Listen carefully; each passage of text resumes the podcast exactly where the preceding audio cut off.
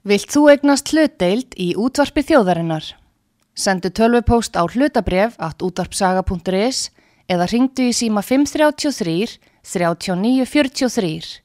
Útvarpsaga stendur vörð um tjáningafrelsið.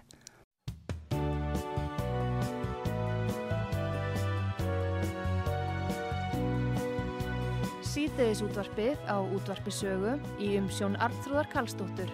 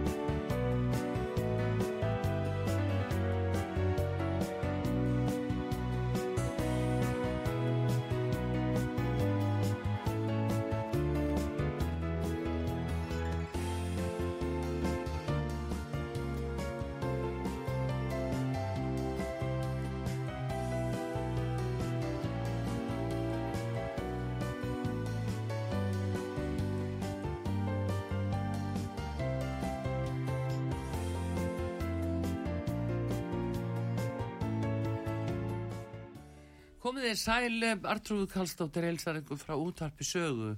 Það er komið til mín Kristján Berg Áskisson sem við tekjum kannski betur sem Kristján Fiskikong og uh, við ætlum auðvitað að meðal annars að ræða um skötutíman sem er framöndan og þegar kannski byrjaður en uh, það eru fleiri tíðindi sem að, hann hefur okkur að segja því að það er útitt fyrir að Kristján sjálfuminnskosti dræði sér hlið frá því að reka sína flottu fyrstbúð inn á Sofavei en góðan dag Kristján Berg og má ég bara ekki fá að segja fiskikongur Jú, þakka þér. Það er eini sanni fiskikongur Já. Eh, Heyrðu, hérna við ætlum að tala um skötun og eftir og, en eh, það eru hins vegar þau tíðindi að þú allir jafnvel að draga þig út úr eh, þessum rekstri og bara sem slíkur að hætta. Hvernig, hvaða mál er í gangi? Já, ég er náttúrulega búin að selja fisk og, í 35 ár. Já, og ég held að það tekur allt enda, sko, einhver tíman mhm. Og ég er svona, ég, ég segir alveg svo er, þá er ég svona búin að fá leiðu því að selja fisk. Já, og það er svolítið langt síðan. Uh, Sónu minn hann Alexander kom svona inn í reksturinn fyrir þreim ára síðan og, og hann, hef, hann hefur eiginlega rekið fiskikongi síðustu þrjú ár já, með minni aðstóð, ég er búin að koma minni í þetta. Já, Þannig að ég er nú eiginlega ekki búin að vera þarna sjálfur, ég kemur náttúrulega hver, eiginlega hverjum degi í búðina en, en svona sem daglegur ekstra maður er, hef ég ekki verið þarna í þrjú ár. nei, Ég hef verið þegar hann hefur tekið sér sumafrí og, og eða kannski mikið að gera eitthvað veikind eitthvað þá hoppa í en, en svona það er ekkert að treysta mig á hverjum degi í, vinnunni í fyrstbúðinni. nei.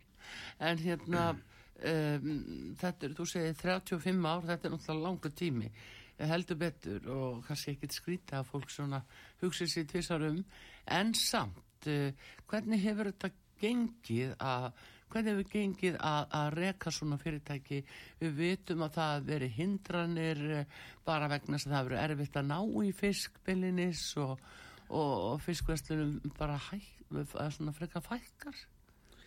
Já, sko, ég er búin að reka þetta fyrirtæki, ég er búin að vinna lengur í fiskin 35 ár, sko, Já. en, en minn ein rekstur hefur verið 35 ár. Uh, jú, jú, það hefur verið marga breytingar og bæði með starfsfólk og ég er búin að opna nokkra búðir og hjálpa mörgum að opna vestlenn og svoleiðis. Uh, ég hef, hef haft það bara hjá mér að, að ég verð að reka fyrirtæki með hagnaði. Já, Annars er náttúrulega er ekki tilgangur í því að reka fyrirtæki að skila einhver hagnaði.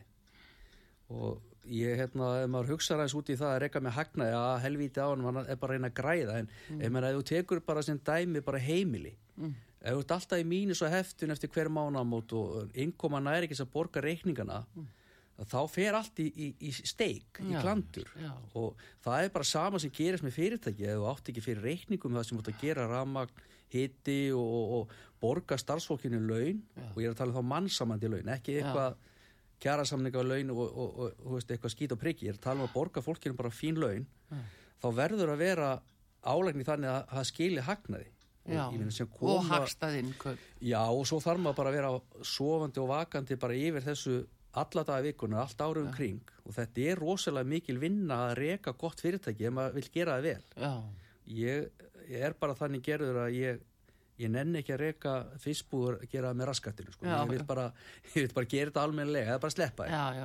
En maður sér náttúrulega að þú hefur lagt mikið metnaði að, að hafa fjölbreytt úrval og meðal annars haft fyrir því að, að vestla út á landi kannski svo síum fisk og saltfisk og fleira sem að uh, jáfnvel er ekki dúlega gott að, ná í. Já, ég er svona bara alveg upp svona ekki að gömlu fóröldurum, mamma átti mig því að vera 18 ára en, en hérna, ég hef alveg stuppið það að vera með svona, ég er gömul sál. Já, mér finnst gaman að geta verið með þetta gamla í blandu þetta nýja. Já, feskan fisk og ekki ómikið af fiskritum, þetta verður svona hæfileg blanda já.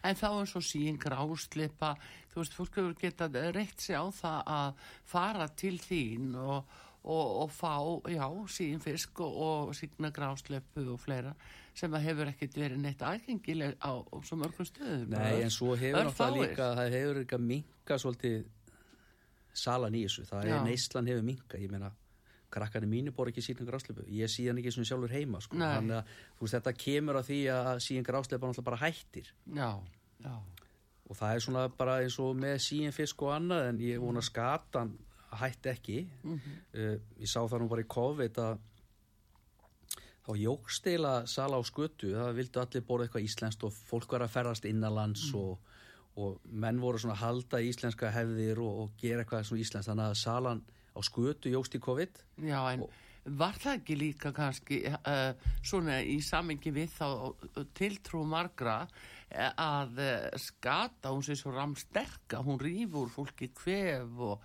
og að þetta sé bara hressingar máltíð. Já, Jú, jú, það- en hérna það er nú ennþá held ég bara varskipunum og, og svona einhverjum hvað sem er hérna gámaskipum sem er sigla og það er skataði saltfiskur í hátvinum já. þannig að það er ennþá hefðir með það. En þetta er einmitt svona gamlir íslenski síði sem að, já, fólk er vant og Já. það er spurning hversu mikið það skila sér yfir í nútíma. Já, ég myndi ekki reynda að vilja borða skötu einu sinni viku. Eða saltfisk, mér finnst það svona ómikið fyrir minn smekk, ég sé svona sjálfur frá með það en varandi hérna ef við tölum aftur um fiskbúðina þessar breytingar og annað þegar ég byrjaði að selja fisk 1989 þá var alltaf lokað í hátinu já, þá var alltaf, sko klukkan 12 að þá fóru fisksalarnir bara heim og lögðu sig eða, að því að þetta var öðru sér sístem, að menn fóru ofta að sækja fisk á kvöldin. Já, þegar ég byrja 89 þá var fiskmarkarinn komin og, og fiskurinn var kerðið til Reykjavíkur þannig að ég þurfti að fara á kvöldin að sækja fisk og svo voru við tveir og þrýr að vinna og mér fannst alveg hérna, glatað að loka í hátinu það kom alltaf fyrir sko þegar maður kerið burtu kljóðan 12 og það var eitthvað á húninum sem kom aðeins og sent eða Já. vissit ekki eða glemdi þessu ekki glemdi þessu, það væri lokað. Þannig að ég breytti þessum kúltúr í, í fisksölunni að við skiptumst bara á að fara í mat. Fyrst var klukkutími mat og, og, og þá voru menn klukkutíma launalöst að því þú fórst klukkutími mat varst ekki að vinna. Þannig að við, sem var það breytt þannig að núna er hálftími mat. Mhm, og það er ekki að því ég vil það, það er bara því starfsfólki vil frekar taka hálftími mat. Já, uh, fyrstu vísakortin, ég var fyrstu þess að samþykja vísa, þetta það voru allir með peninga. Já, þannig að hérna fiskrettin, ég er nú ekki að segja að ég hafi verið fyrstu með fiskrettin en ég var með hérna maturislumann í vinnu 91-2 og það sem við Já. lögum mikið af fiskrettum já, svo hefur þetta bara þróast út í það að- að að meiri partin af sölun í dag eru fiskrettir fólki finnst það þægilegt að hafa þetta svona í að bakka. komið svolítið að Já. breytingum hjá fiskikonginum og svo er, er maður með opið alltaf á lögutöfum sem Já. að týðkast ekki Akkurat. En hérna, um, varðandi þetta að þú talar um sko hagnað og verðlagningu og svona nokkuð. Ef við aðeins lítum á það bara nú er kvartað undan því að verðlag svona almennt í verslunum og maturubúðum hafi hækka, matakarfan hafi hækka verulega. Uh, hvernig serðu það? Sko það er alveg rétt að, að mataverð hefur hækkað, mm. það er bara sama hvað nefni, það hefur allt hækkað. Já. Ég var nú bara í Costco núna um helgina og, og, og í gær, í gær kvöldi fór ég nú göngutúr með konni, mjög romantist og endur með krónni. Já, já. og já, og hérna, það hefur allt hækkað. Ég held að fiskurinn hafi hækkað minnst á þessu öllu. Og ég, sko fiskur er alveg stendst alla samkeppni í sambandi verð og gæði af öllu sem hefur borið saman fisk, hvað sé kjúklingur svínakjött eða hvað sem er. Ég held að fiskur sé ódýr en allt þetta. Og það, það er eitthvað ný sín sem að hefur ekki verið hjá mér undanferðin ár. Nei. en með þessar láguru verðs vestanir, krónuna og bónus og ég er búin að fylgjast með því að, að fiskurinn stendst alveg samanböru við allt kjött og allan kjúkling. Já, þannig að sko ég, ódýrasta og hotlasta sem að þú getur látið onni er bara fiskur já, og mengu villibráð og ekki búið að setja neinn efni, sigur eða eins og Nei. setti kjúklingin eða saltblöndur eða neitt þannig er alveg frýr við allt þetta. Já, já, og þetta er eitt af hotlasta og besta sem fólk getur látið onni sig. Já, já. og ég, ég alveg fullir það að við stöndust alla samkeppni með verð og gæði sko. En ef að væri meira leift að veiða og kannski strandveiðar eða ekki, er það ekki spurningin ef væri meira þá væri hægt að selja meira, koma í umferð og hafa á lægra verði eins og fiskin. Já, en sko, núna eru við, hérna eins og ég, með mína verslun að, við förum bara upp á smarka á hverjum degi. Já, Uh, Það er nú cirka kannski bara 1% af afla sem veiðist á Íslandi sem fer á innanlandsmarka. Þú veist, það er ekki meina það. Þannig að vægið okkar í verðlagningu og fiski hefur ekkert að segja. Og við erum yfirleitt að kaupa besta fiskin og dýrasta fiskin á hverjum einasta degi. Því að Íslendingar eru mjög kröfuharðir já, og við viljum bara borða góðan nýjan fallegan fisk. já, einmitt. Þannig að sko það sem að er að gera sig það að þeir sem er að keppa mót okkur, þessi 99% þeir eru náttúrulega að kaupa fisk inn með verðlætningu sem þeir fá erlendis. Þannig að markarnir erlendis í, var allstar í heiminum, Þískalandi, Bandaríkjunum, Breitlandi sem mi- mikið flutt út til, þeir stjórna verðlætningu á Íslandi. Þannig að þú veist ef ég er að keppa við eitthvað sem er að kaupa fisk sem er að fara að selja á Breitlandsmarka eða Bandaríkjamarkaði Já, þá get ég ekkert verið að selja hann eitthvað ódýrar heldur en þeir eru að fá fyrir fiskin sko. Þa, það er bara ekki hægt. Þannig að ég myndi vilja að fisku væri ódýrar í Íslandi væri niðugryttur eins og lambakjöt til dæmis já, og maður gæti selt ódýrar það, það væri það sem að ég myndi óska en ég er náttúrulega að stjórna þessu ekki. Já, þetta er náttúrulega spurning líka um bara hérna hotlustu já, og hvað eru við að leggja áherslu á og uh, fa- uh, mat fyrir börn sem eru í uppvaksta skeiði og, og annað. sko ég var nú bara ég var að koma frá Kína og núna bara tvær ykkur síðan. Mm og hérna ég hérna fekk bara svona svolítið bara, bara illt í hjarta og magan sko því ég fór að hugsa um hérna hvað við erum að borða og hvað við erum að henda. Já, og ef maður bara lítur bara í beinakari það sem við erum að henda þetta er kynverinn að borða. Allt sem við hendum borðar hann. Já, og dýrasta sko, ég, ég fór til með svo veitingasta og það var hérna lax á matselum og svo var grillað laxahus og hann var dýrastur. Það var dýra að fá sér grillað laxahus heldur að fá sér grillað laxasteik skilur já, þannig við hérna á Íslandi erum ofta taka bara svona rjóman af því það sem er bara bestu bitarnir og svo erum við að kvart yfir háu verðið og öllu. Já, já. En samt þegar þú talar um uh, sko eins og laxahaus, uh, þá er þetta spurningum hversu mikið sko, mikið fiskur er á því, er það kinnarnar, er það nakkin eða hvað, Já, ég get alveg sagt fyrir mína parti, ég hef aldrei svoðið með laxahus nei, en hérna og það er alveg, sko ég er náttúrulega svoðið þoskhaus og annað og, og, steinbít og það er rosa mikill matur allan á steinbít og, og þosk, ég hef aldrei svoðið laxahus en ég meina í gamla daga þá seldi maður alla laxahusa og hérna í dag er þessu bara eiginlega hent. Er, ég er ekkert með laxahausa í borðunni hjá mér. Myndi ekki seljast, ég væri með í borðunni myndi seljast. Er þetta meina þetta? Já. já, Þannig í gamla daga þá þegar ég var að selja þegar viltilagsin var mikið sem þá var bara veitt á stöng og geta eldi komið þá kom fólk alveg sérstaklega inn til þess að fáka sér fjóra-fimm lagsahausa. það er alveg liðin tíð. það er svona líka, það er spurningum fisksóðið ef að fólk er að, að vinna úr því, en, svo, en, svo, en hvað með styrklunar eða sporðin?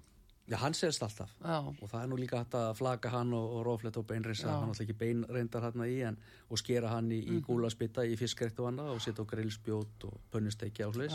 Þannig að það selst alltaf. já. Þannig að það klárast alltaf öll flökin. Akkurat.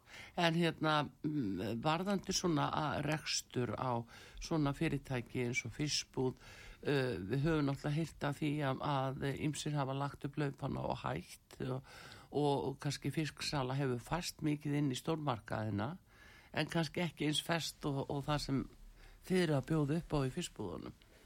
Ég veit ekki, mér finnst nú bara stórmarkaðinni hafa stór lagast með fisk og Já, ég var, eins og ég segi, var að koma með Costco mér varst bara, bara flott gæði á vörinni þar sko, Já. en verðlætningi var svip eins og bara hjá okkur í, í hérna fiskbúðinni. Já, Eh, það sem að er eiginlega svona, það sem að gerist í það ef fiskbúðinu fækkar og með þeim fækkar, það er bara klárt. Ég lokaði sjálfur einnig vestlun í janúar Mhm. þessu ári. Og þe þeim á eftir að fækka tökum bara Costco sem dæmi það, það sem var, var til, það var til ísuflög mm, það var til þorsnakar það var til bleikjuflög og laxaflög jú og svo vorum við með karfaflög sem Já. er ekki mikið sali á Íslandi en við erum að tala um fimm tegundir Mm. ef fólk er alveg tilbúið til þess að kannski fá aðeins læra verði eða svipa verðu í fyrstbúði en bara eh, 35 tegundir úrval á dag mm, þú veist, fólk verður bara að gera sér upp fyrir hvaða vill sko.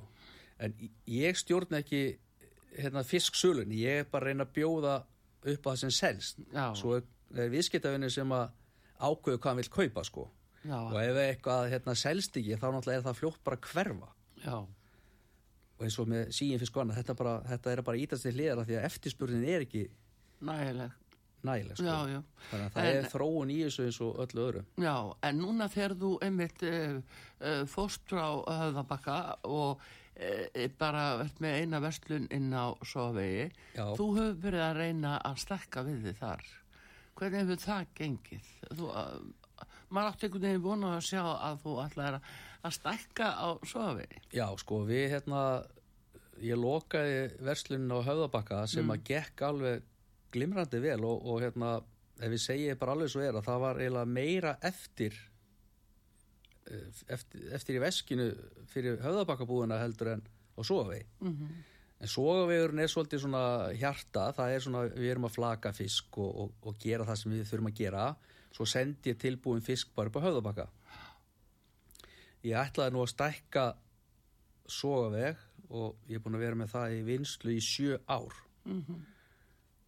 og það er búin að margar hindranir og það er svona eiginlega svona stæðst ástæði fyrir því ég bara er eiginlega búin að fá leið á sig ég nenn ekki að vera í slagsmálum alla daga við borgina og, og heilbyrðisifvöld Já, þetta er eiginlega sko ég líti á það að maður á að fara í vinnuna maður eigði mestu tíma æfinar í vinnunni eins og ég, ég er að vinna frá 77 það er 12 tímar á dag. Já, maður á að mæ, geta mætt í vinnuna gladur og hress og gera það sem maður hefur gaman af að gera. Ég, ég hef rosalega gaman af að selja fisk ég finnst rosalega gaman að flakka glænían fisk og, og komið fram í borði og, og viðskiptafinu ána mér finnst þetta alveg ógeðslega gaman. Já, en það er rosalega íþingjandi þegar borgar yfirvöld og, og, og ég kalli þetta valdnýðslu mm embætismanna bor, borgarinnar þá, er, er þetta ekkert orðið gaman. Nei, og það dregur svolítið úr mér hérna bara að mæti vinnuna dagstaglega, þetta er bara orðið leiðilegt já. Þú ert þannig inn á Sofvegi, hvað, uh, tvö? svo við þrjú Sofið þrjú. Mm. Mm. þarna er lóð, áttu lóðina. Uh, þarna, þetta, þetta er bara leigulóð Já, og það, og En- en hefur sko- verið að sækja um byggingarétt Já. hjá borginni út af því? Já, sko borgin hefur alveg hjálpað mér og, og áttalega góð múf inn á milli ég, ég er ekkit hérna er hérna til þess að væla undan borginni, sko ég er bara að tala eins og þetta er Já, já, og hérna þetta kerfi er bara það þarf eitthvað að breyta í þetta, þetta er allt og þunglamlegt kerfi og atvinnreikundur sem að ég þekki nú marga sem er í rekstur, ég er að selja mikið af veitingastöðum og, og bara búin að vera í atvinnrekstri í tíu ára. Það er alltaf að kvarta undan borginni og þetta kerfi er allt og þunglamalegt og allt og svifasend það er ekkert í svona rað og takti sem að atvinnreikandi þarf að hafa þess að geta reikið gott fyrirtæki. Já, það vantar alltaf skilvirkni eftir að Já, segja. eins og til dæmis Já. hérna, ég, þegar ég kaupi hérna soga við þrjú, þá er þetta 99 fermetra bara eitthvað sjoppa. Já, og ég breyti því í fiskverslun, það tók nú smá tíma að bara fá það samþykta að því þetta var bara byðskili eða skástrík sjoppa skiluru átti ekki að vera flakka fiskarna en, en borgin hjálpaði mér og breyti því og ég Já. þakka henni fyrir það svo erum við búin að stækka og, og viðskiptin hafa verið miklu meiri heldur en ég eh, nokkuð tíman óraði fyrir árið 2009 já, og, og ég þakka það bara fyrir náttúrulega góðu starfsfólki og, og ég er bara vakin og sofin yfir þessu. Já, já. og það er enginn í viðskiptum sem að er að reyna að selja sem vill ekki selja eitthvað aðeins meira Já, Jú, jú, það vilja allir eitthvað aðeins meira og, og, reyndar þetta komið alveg á þann stað í dag að við viljum ekki meiri viðskipti.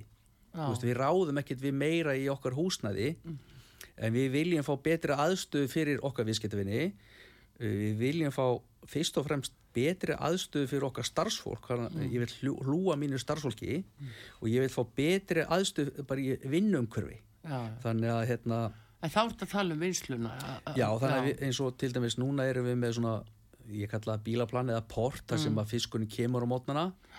Við erum í höfuborg, það er sandur, það er mengun, það er fuggla, það er sól, það eru löfblöð, það er snjókoma, rigning. Þannig að ég hefði viljað sko þegar fiskunni kemur á mótnana, það er bara að opna bara einn hurð, fiskunni fer bara inn, hurðin er lokað, vinnum okkar fisk, seljum fiskinn og mál dött. Já. Og þú, það, það, sko, ef þú keirir á sóinu fram hjá okkur, þá sérðu ekkert að þetta sé fiskbú, þetta á bara að vera snirtilegt svona lítið einbílshús, bara ógstlega flott, svona sexy útlit finnst mér. Já, já, Það er svona hugmyndin sem ég er með í hausnum af mér, sem ég langast að klára. já, Þannig að sko þetta á ekki að trubla neitt, það á ekki að vera neinn mengun, ég er með matvali og þú veist maður er að reyna að fá borgarstarfsmenn í skilningu þetta að- og þessa hugssjón, ég er búin að senda þeim þrývita teikningar og myndir og allt þetta, hvað ég vil gera. En það er alveg ótrúlega erfitt að, að fá þetta í framkvæmt. já. Sjö ár, það er nú langur tími e, í byð þegar svona mikið er í húfi. Já, og ég yngist ekki. Nei, en það er hérna, um, hefur við svona reynd að sundugreina hvað er það sem að tefur þetta svona á borginni, er þeir að vísa þessu á milli einhverja deilda eða frá einum fundi til annars og vantar alltaf eitthvað álit frá einhverjum sérfræðingum eða, Já, sko, ég við sækjum einhverja teikn, eh, set, set inn einhverja teikningu. Mm, þá fer það mjög oft í grendakynningu. Ég held að sko síðasta hugmynd hjá mér hafi ferið fjóru sinn með grendakynningu. já, það var bara, eiskipti var bara eitthvað gluggi sem þú ert að setja á bygginguna sem að skiptir engum máli. Já, ég held að þetta sé ákvörunar fælni hjá einhverjum það þóra enginn að taka ákvörun, bara að vera skammaður að missa vinnun eitthvað, ég, bara, ég ger mikið grein fyrir því. Ég hef ekki átt sjálfur samskipti við byggingafulltrúa svona beinta því að ég var alveg ungu búin að springa sko, það var allt farið há og loft og þetta hefði tekið bara þrjá mánuði þá sem hefði kannski bara verið best. Já, að því að sko ef maður hefði fengið svari bara nei að því að sko nei er líka svar. Já, já, já, og nei er bara, er til nei þess að taka bara ákvarðanir út já, nei Já. er oft bara besta svarið. Já, að því að heyrðu, ég ætla mér að halda áfram að selja fisk, ég vil aðeins hafa þetta betra, ok, þessi staðsynning hendar ekki, við skulum snú okkur að næsta verkefni, eigum að færa búðina fá okkur annað húsnæði, eigum að fara með vinslun annað, þannig að svarið frábær svar fyrir þann sem er í rekstri. Þannig að nei er ekki alltaf neikvært svar. Nei, nei, nei getur verið bara já. frábær svar Já. fyrir mig sem öflugan atvinnreikanda hvað ég má gera og hvað ekki. Þú veist, er ég að fá aðstofið eða ekki eða, Mhm. eða, þú veist, þetta, þetta er bara frábær svar. Já, nefnir að það verður að halda þessu svona glóðvolkum Já. en svo eins og lýstir í þá ertu að kaupa markaði og þú kaupir náttúrulega fiskinn með haus og sporði og öllu og, og vilt flaka inn í þínu eða bara þinni vinslu já, sko, núna til dæmis hérna, ef við erum að tala um hérna, að því þú ferði í þessu flökun og ég tala bara hömluleg sko, mér er alveg sama við erum að reka tvö heilbris eftirlit í landinu. Við erum með uh, hérna, heilbrist eftirlit Reykjavíkur sem þá séru Reykjavík og svo eru bara fullt af heilbrist eftirlitum út um all land. Já, uh, og svo erum við með hérna, eftirlýs sem heitir MAST eða matala stopnum skamsta M-A-S-T ef þú ert hérna að að selja svona yfir borði eins og ég bara með litla fiskbúð þar sem að maður getur flagga bara eitthvað fyrir daginn og afgreitt þá dýr alveg að vera með heilbyrðiseftirlitið en ef þú ætlar að flagga eitthvað meira og segjum bara þú er með hérna, 100 manna vinnustað hérna út á sögu og ég ætla að selja fisk hingað og þú ætlar að gefa fólkinu borðið hátíðinu já, þá þyrfti ég að vera með mast. Já, og af því að þá er ég að selja eitthvað svona aðeins í meira magni. Já, uh, ég var með hérna fiskbúna höfðabakka. Þá, þá var ég að flaka á sofi mm, sendi fiskin upp yfir svo var ég að framlega bólur þar.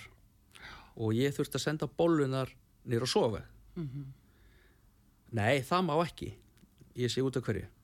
Af því að það er önnur starfstöð og það sem að þú ert að selja svolítið mikið á sofi og þú ert að þá framlega mikið að bólum þá á höfðabakka þá verður að vera með mastlifi já, Ok. já, já, Og hver er breyting á því að vera með mastlifi eða heilbyrðiseftildi? Hver er breyting á reglun? mhm, Já, það eru sömu reglur.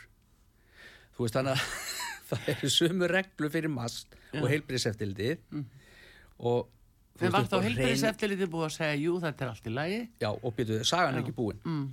Svo hérna fer ég og sækjum mastlifi og það er á Selfossi og ég sækjum bara netinu og, og svo kemur úttektar aðil og tekur þetta út og ég fæ mastlifi. Mhm.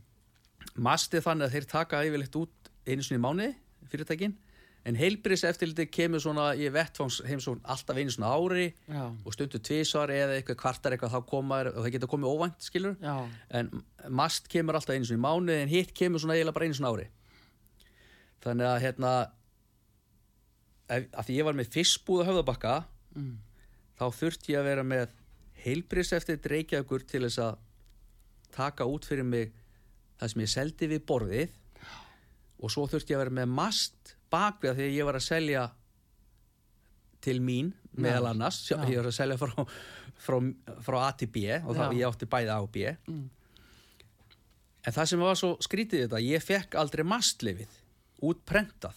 Mhm, þannig að hérna ég fór að spyrjast fyrir um þetta. Það tók mig tæp tvö ára að fá mastlefið í hús en heilbyrðis eftirliti tók út leifin þetta náðu já, ég var með mastlefi já, einmitt, og heilbyrðis eftirliti var líka já, en eftirlitsaðin var já, þannig að ég skil ekki alveg hversin þurfti ég að fá þetta mastlefi með sömu reglum. Ég, og, og ég fekk ekki eins og leifi útbrent af A4 blæð þannig að þú veist þetta var komið eitthvað graut sem að korki heilbyrðis eftirliti skildi eða mast eða þá ég sem akkurat, þannig að þetta var komið bara í einhvern hnút sem að engi skildi en ég fekk nú bara lögfræng sem að hérna, rakka á eftir leifun þannig að ég fekk útbrenda já, já, en er þetta það sem að kannski þeir sem eru í matfælaframleyslu, eru þeir að lendi í svona málum? já, þeir eru að lendi í þessum málum. Já, og, og, og hérna, þetta kerfi og ég skil ekki, ég meina við erum 350.000 ræður hérna, það þarf ekkert að reka eitthvað tvö heilbris eftirlitskerfi með framleyslu matvala í þessu litla manni landi. finnst nú ekki, ekki, sko. Nei, það bara þarf ekki. Já. ég hef búin að vera í þessu þetta 40 ár, ég veit það alveg. Mhm. en það þarf bara, ég, hérna, ég fagna öllu eftirliti. Mhm. og ef maður talar um eftirlit þá, það sá sem er að reka eitthvað matvæla fyrirtæki nú er allir með síma. Já, það er allir með myndavel það er allir með vídeo það er allir komið Snapchat. Og hérna ef ég væri að gera eitthvað ógeðslegt inn í minni verslun það er fyrsta sem koni myndi gera hann myndi taka síman og senda á netið. Betur. Og það er eitthvað sem ég myndi aldrei vilja af því að þú vilt ekki láta tala ítlum þitt fyrirtæki. Nei. þannig að sko þeir sem er í matvala rekstri í dag þeir eru held ég bara 99% með þetta alveg á hreinu hvað er að gera já. þú vilt reka gott og, og, og, og flott fyrirtæki og vera með snirtilegt í kringuði og snirtilegt allstaðar Já. það sem eru matvæli já, ég, ég held að 99% af fólkinu sé á þeirri blaðsíðu já, og þeir sem eru þar ekki þá náttúrulega loka þeim strax ég, já, já. veist, en er það ekki almennt mér finnst nú bara margt vera mjög til fyrirmyndar svona í verslunum einmitt út af eh, svona hreinlæti og hvernig framsetningin er og, og, það eru orðið gríðarlega uh, breyting frá því sem var hér áður Já, ég með þú sér þú bara eins og, eins og fiskbúðir í dag þegar ég breytti fyrstbúin hjá mér Já. 2004 þá settum maður halógenljós í lofti Já. og innfælda lýsingu og flísalagði og þú veist, snirtilegu klæðna er svona það er ekki allir bara eins og í gamla dag voru fólk að,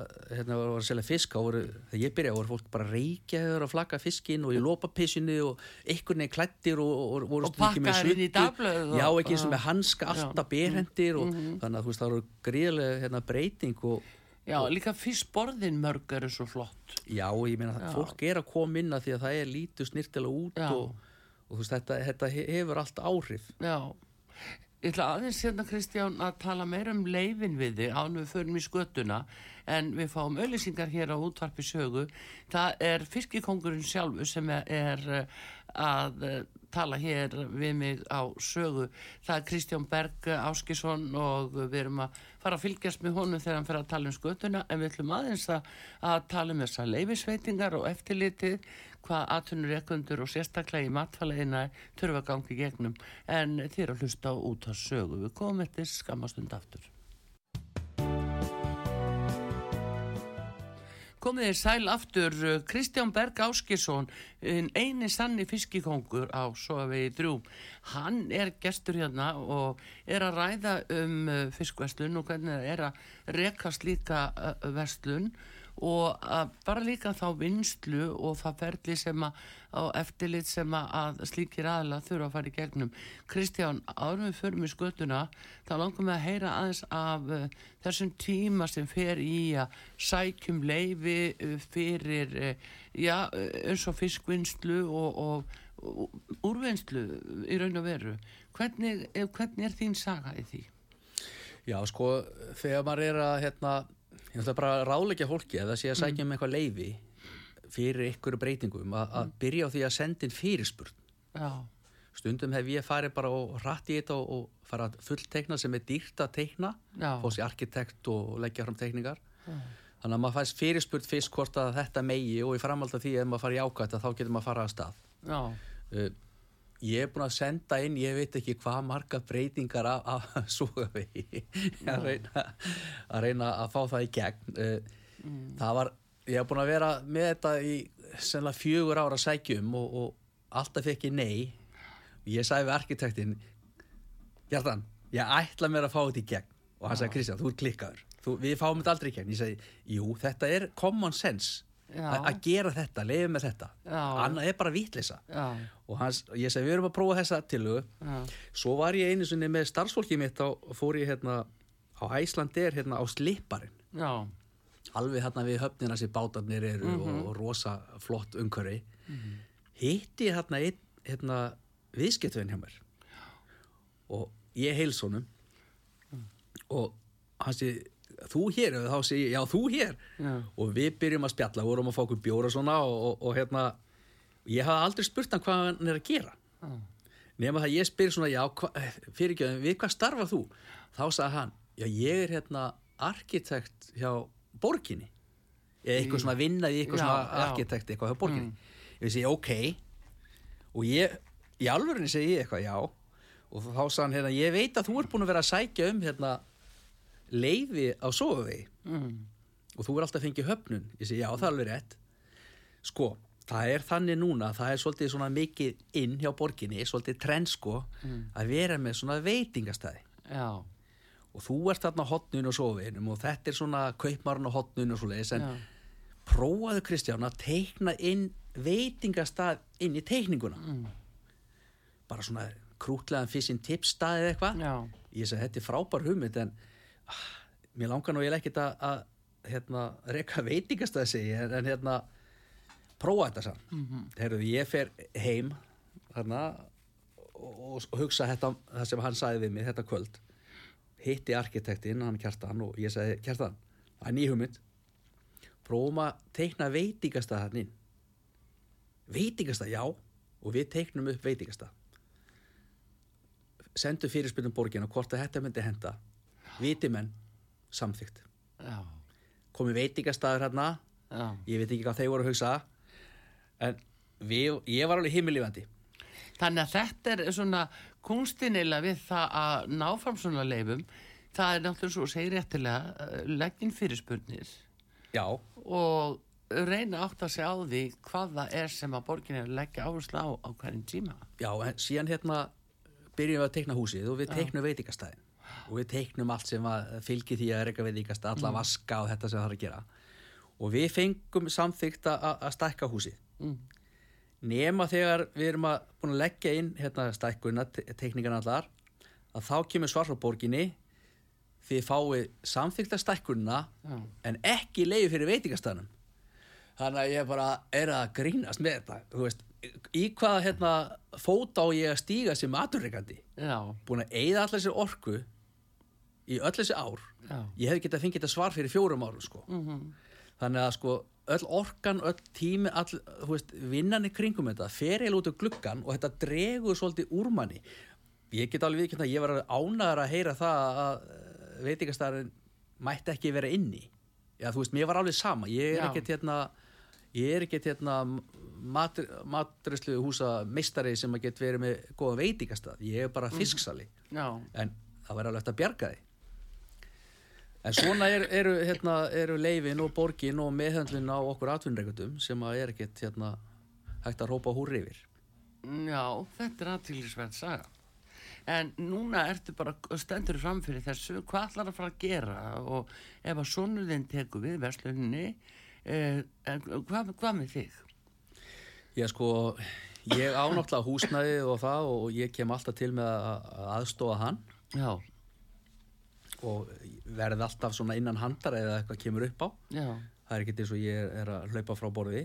Ég er náttúrulega rek hérna tvö öflug félög í dag. Ég á fasteignafélag sem heitir Djúbudalur sem á fasteignir og er að leiði út og, og leigutakarnir eru þá mín fyrirtæki. Mm, og ég er, að, er með fleiri fasteignir sem ég er líka að leiði út. Og ég er svona eh, eða mitt passion maður er nú slettun og, og mikið ensku Já. mitt svona áhugamál er eiginlega fasteignir Þannig ég er voðalega gaman að skoða fasteignir og fjárfæst í fasteignum. Svo náttúrulega reik ég hérna heitir pottar.is já, og það sem við erum að selja vöru bara með heita potta og sánaklefa og hreinsep Já, og sluðis.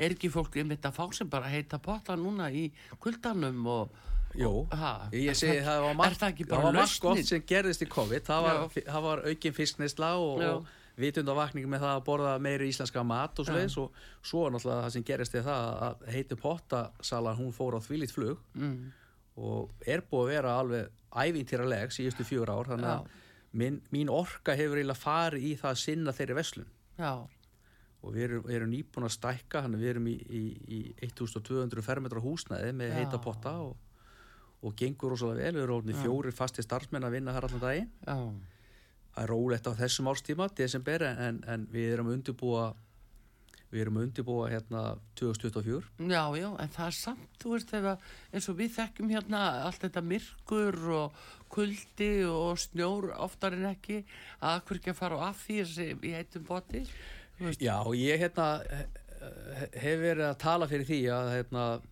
ég segi einn besta fjárfesting fyrir fjölskyldu uh, nú eru margi sem eru að fara til geðlæknis og sálfræðings og allt þetta skilur að ég segi það að, að kvöldstund í heitum potti það þarf ekki að vera langur tími, tímindur, 20 mínútur Já. og hvað það er með fjölskyldinni.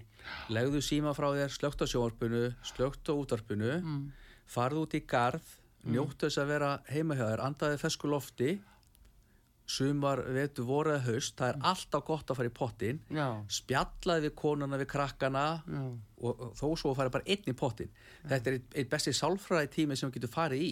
Akkurat, og þetta er svona samveru stund sem að fjölskyldan í dag þarnast, það er náttúrulega er allir á harða hlaupum og menni líka sagt og það er kvöldmáltíðin sem var alltaf hérna í gamla dag millir 6 Já, og 7, hún er eiginlega bara dottin upp fyrir það sem fólk var að, mikið að borða saman já, og ég á nú sjálfur 6 börn þannig ég þekki þetta mjög vel heima Já, að já. mér þó svo að við erum alltaf með kvöldmáta réttin tíma þá, þá eru sumi sem eru í ræktinni að fara í gítaræfingu eða hva, já, hvað er að hitta og vini fólk er út á söður Þetta er, þetta ekki og- eins og já. þetta var í gamla daga það sem að kvöldmaturinn var klukkan eitthvað ákveðið, Já, 6 til sjö, 5 eða já. 7 svo kvöldkaffi já, það þetta, þetta er að liði tíð sko. Já, þannig að ég segi sko pottaferðin getur gert rosalega mikið fyrir geðhilsuna og fyrir samverustundir fyrir fjölskylduna. Já, góð ábending, þannig að hérna, já, þe- Já. þetta er svona mín nálgun á þetta og, og ég held að hún sé bara nokkuð sönn þegar fólk hugsa þetta eins að Já, geta eitt tímanu með, með krökkunum og konunni. Já, en núna, Kristján, uh, hérna, fiskikongurinn er komið með skötu í borðið hjá sér og byrjar að selja og selja. já, Það, nú er bara, er fólk ekki farið að já, borða núna uh, ekkert endilega sko á þollásmessu heldur bara í desember. Hvernig Já, er staðan á skötunni núna? staðan er mjög góð við erum, ég held að við séum stæðsti skötuverkandi landsins Já, Uh, við erum að vinna cirka 30-40 tónu upp á sjó af heilum fiski. Já, og ef við talar um sölun í skötu það er hérna ég segi alltaf hérna þó svo að menn segja kvart á verðbólka þá er velmögun í landinu. Eh, þegar ég var alast upp þá fór mamma ekki í tvær viku til Tenerife yfir jólin eða þrjárskilur og slappa af. En það er fólk að gera þetta í ríkum mæli. Já, og mér finnst það bara flott ef fólk getur hugsað um sjálfsig og, og, og farið út til þessar landa og það er ódýrt að lifa þarna og, og, og bara gott að vera þeir sem eru kannski mikið ykt og hana þeir, þeim líður betur. En það sem hefur verið, það sem við erum að tala um núna er að þeir sem er að fara í burtu í svona langan tíma, 2-3 vikur yfir jólin og yfir þólasmessu að það er rosalega mikið tekið með að skötu já, Þannig að eldra fólki sem er að fara, eða þeir sem er að bara fara, að það, það eru alveg gríðarlega mikið að skötu veislum. Ég er búin að selja, ég veit ekki hvað mikið í skötu. Og Er það Tenerife eða já, það er Alicante hérna, eða? ég hugsa sér að það er allan að tvær skötu veislur sem ég veit um á Tenerife. Uh, það er í Alicante, stór, mjög stór. Já, Uh, það er í Torvijekka, er Íslendingafélag. Já, já. Uh, við erum að tala um sko í Danmörku. Já.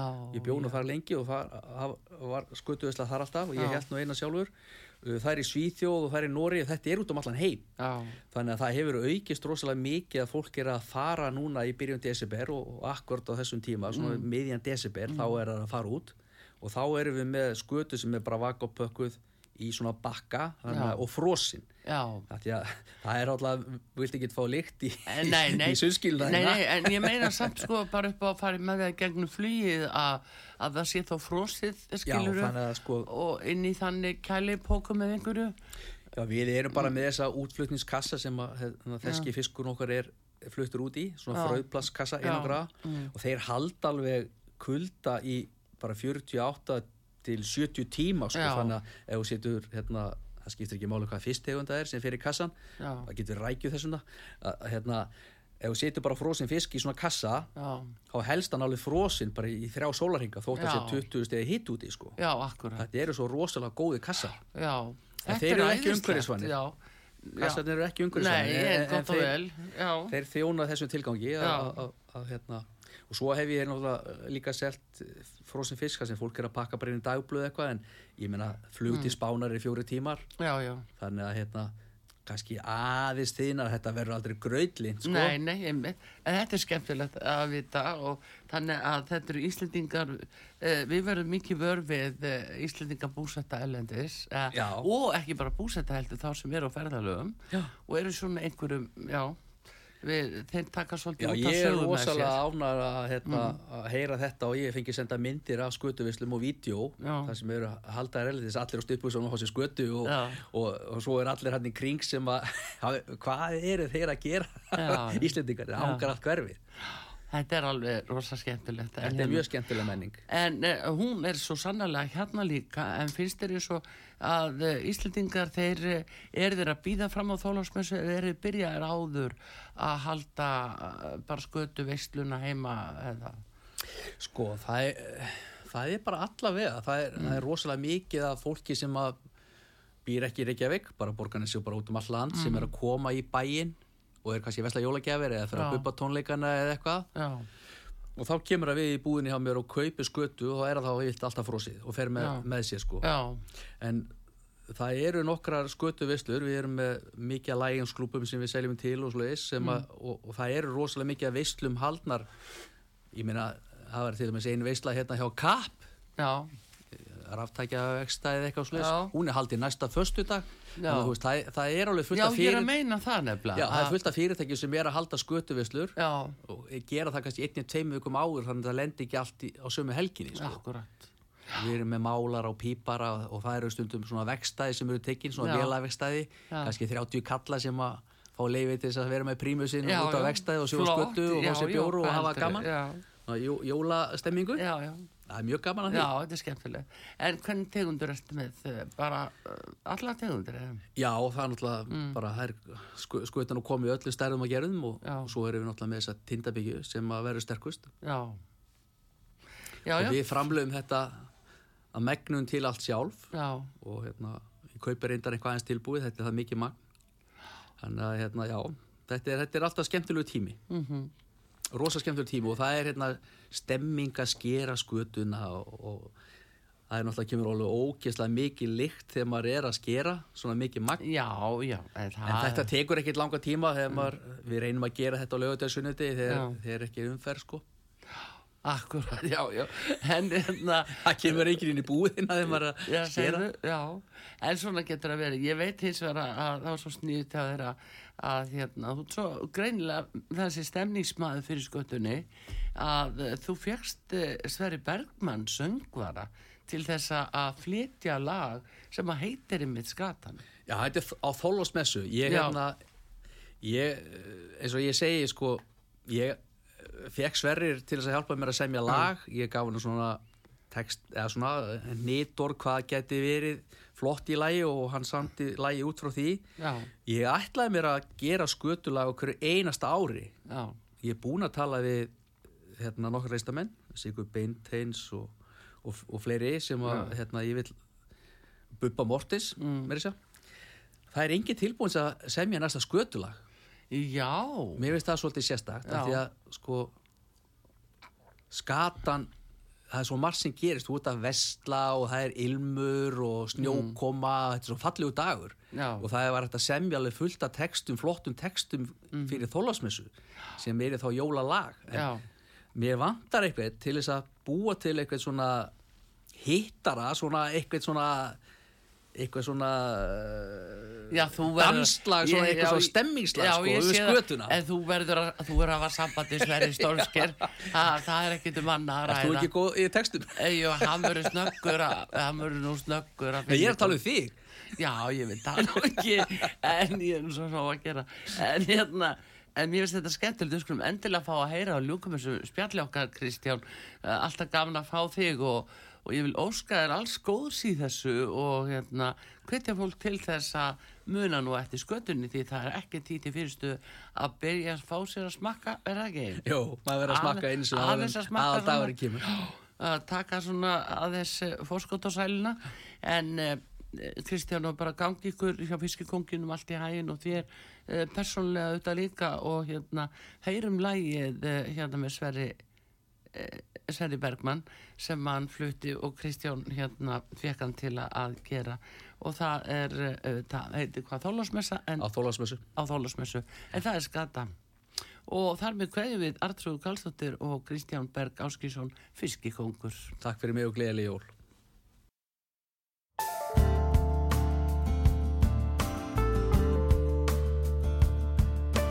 Þegar af himni fellur fönn finn ég von hjarta mínu vakna fyrir að sakna. Já að sakna. Þess að vera. Þér þú þarna indislega Þegar fór að vetra allt gerðir betra. Miklu betra. Þegar jólinn þokast nær. Er þessi minning mér svo kær